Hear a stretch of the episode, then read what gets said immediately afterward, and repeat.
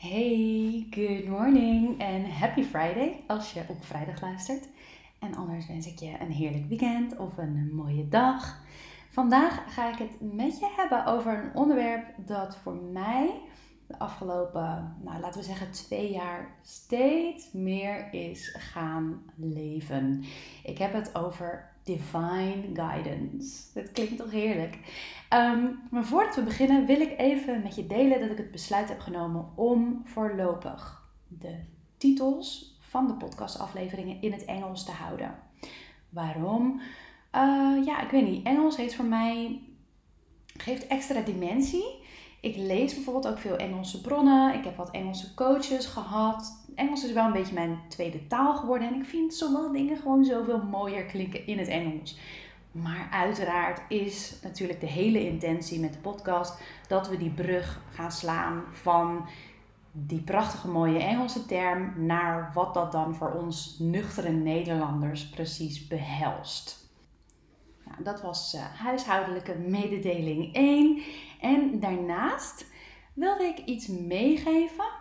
Um, in wezen zijn de afleveringen namelijk op zichzelf staand.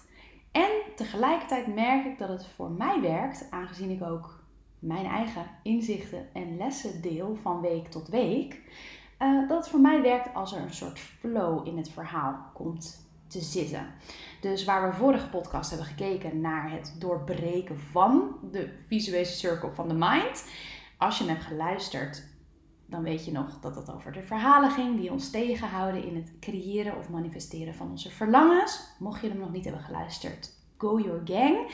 Um, en met deze aflevering, eigenlijk dus voortbordurend op aflevering 1, wil ik gaan kijken naar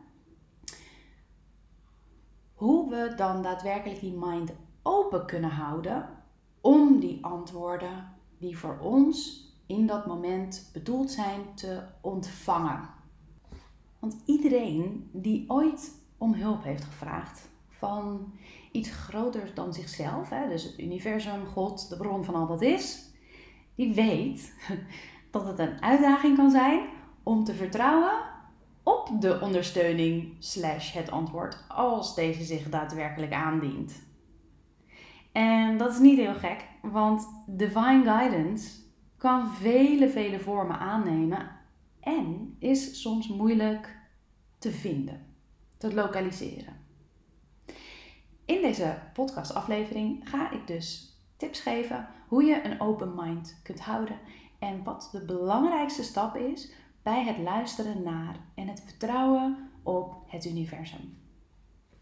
Nou, wanneer ik spreek over divine guidance, dan heb ik het over de ondersteuning van het universum het veld van oneindige potentie, de goddelijke wijsheid, de bron van al wat is.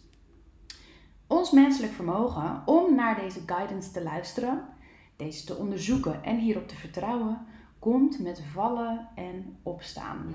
Je hebt vast wel eens gehoord, uh, eerst ben je onbewust onbekwaam, dan ben je bewust onbekwaam, dan word je uh, bewust bekwaam en dan onbewust bekwaam. Dus weet je, vallen en opstaan. We weten vaak niet zeker of het de bedoeling is dat we erop vertrouwen dat bijvoorbeeld onze gedachten, onze gevoelens, onze dromen of intuïtie, of dat daadwerkelijk de dragers zijn van de hoogste waarheid, van universele wijsheid. Een voorbeeld. Een voorbeeld.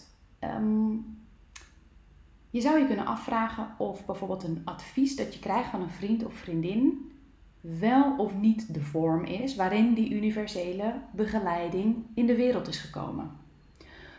Of je zou je kunnen afvragen of de meningen die we hebben wel of geen bron van wijsheid zijn die we serieus moeten nemen. Wat is universele wijsheid? Wat is divine guidance? Nou, de meest effectieve manier om divine guidance te leren herkennen is door bewust deel te nemen aan het proces van vragen en ontvangen. Soms namelijk, als we om hulp vragen, dan hebben we stiekem al een idee van wat we willen horen. En op zo'n moment kan het extra moeilijk zijn om de ondersteuning te krijgen. omdat we misschien liever niet willen horen wat niet in strijd lijkt te zijn met onze verlangens, toch? Dus daarom is het beoefenen van een open mind zo belangrijk als we de ondersteuning van het universum willen ontvangen. En wat hierbij kan helpen, is het erkennen van wat we willen. En dit symbolisch opzij zetten om ruimte te maken voor alle wijsheid. Voor alle wijsheid die tot ons doordringt in dat moment, op elk moment. Dus om de ondersteuning te kunnen ontvangen waar je naar zoekt en erop te vertrouwen wanneer deze komt, is het cultiveren van een duurzame relatie met het universum ongelooflijk belangrijk.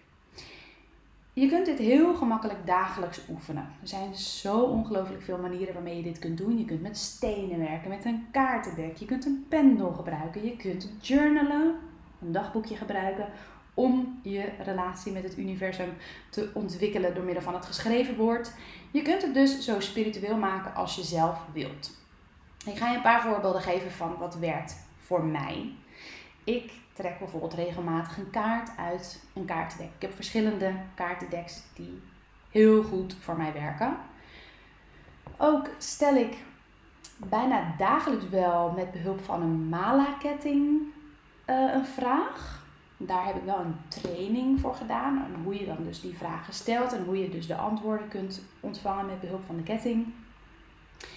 Dat is erg interessant. Het is wel een zijspoor, maar met deze training heb ik gekeken naar het optimaliseren van mijn frequentie, gebruikmakend van de frequentie van voeding, dus eten, uh, onder andere, en later meer. Maar dat is erg interessant. Dus mocht je hier meer over willen weten, um, let me know. Want misschien is het wel leuk om daar een keer een podcast aflevering ook over te maken. Dus als daar interesse voor is, stuur me even een berichtje via Instagram. Mijn naam is daar Dorien van den Berg. Goed, ehm, vertrouwen hebben in het universum betekent dus zeker niet dat je een passief leven moet leiden, wat mensen die niet spiritueel zijn denken, vaak. Of dat je uren moet mediteren en in stilte moet gaan zitten wachten tot de antwoorden komen. Nee. Vertrouwen hebben in het universum betekent echt dat je leert door doen. Met vallen en opstaan. Je moet gewoon bereid zijn om het werk te doen. Uh, maar als je tot hier bent gekomen in de podcastaflevering, dan geloof ik dat je er klaar voor bent. En dan garandeer ik je dit. Na verloop van tijd, en waarschijnlijk gebeurt dit al heel snel, want wat je aandacht geeft gaat vanzelf groeien, gaat het je opvallen wanneer je goed hoorde, dus luisteren en, luisterde en hoorde wat het antwoord was en wanneer niet. Dus hoe meer je hiermee oefent, hoe beter het gaat kloppen. Je kunt het vergelijken met het afstemmen van de radio. Je moet ook eerst aan die knop draaien totdat je op de juiste frequentie komt.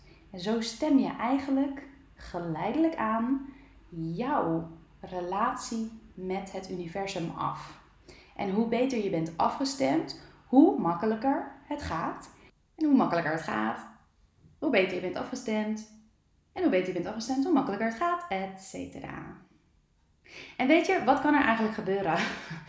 vertrouwen, vertrouwen, vertrouwen, vertrouwen. One can never have enough. Vertrouwen.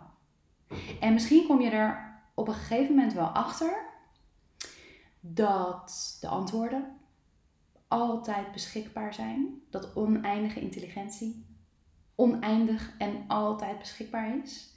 En dat het eigenlijk heerlijk is om daarop te kunnen vertrouwen.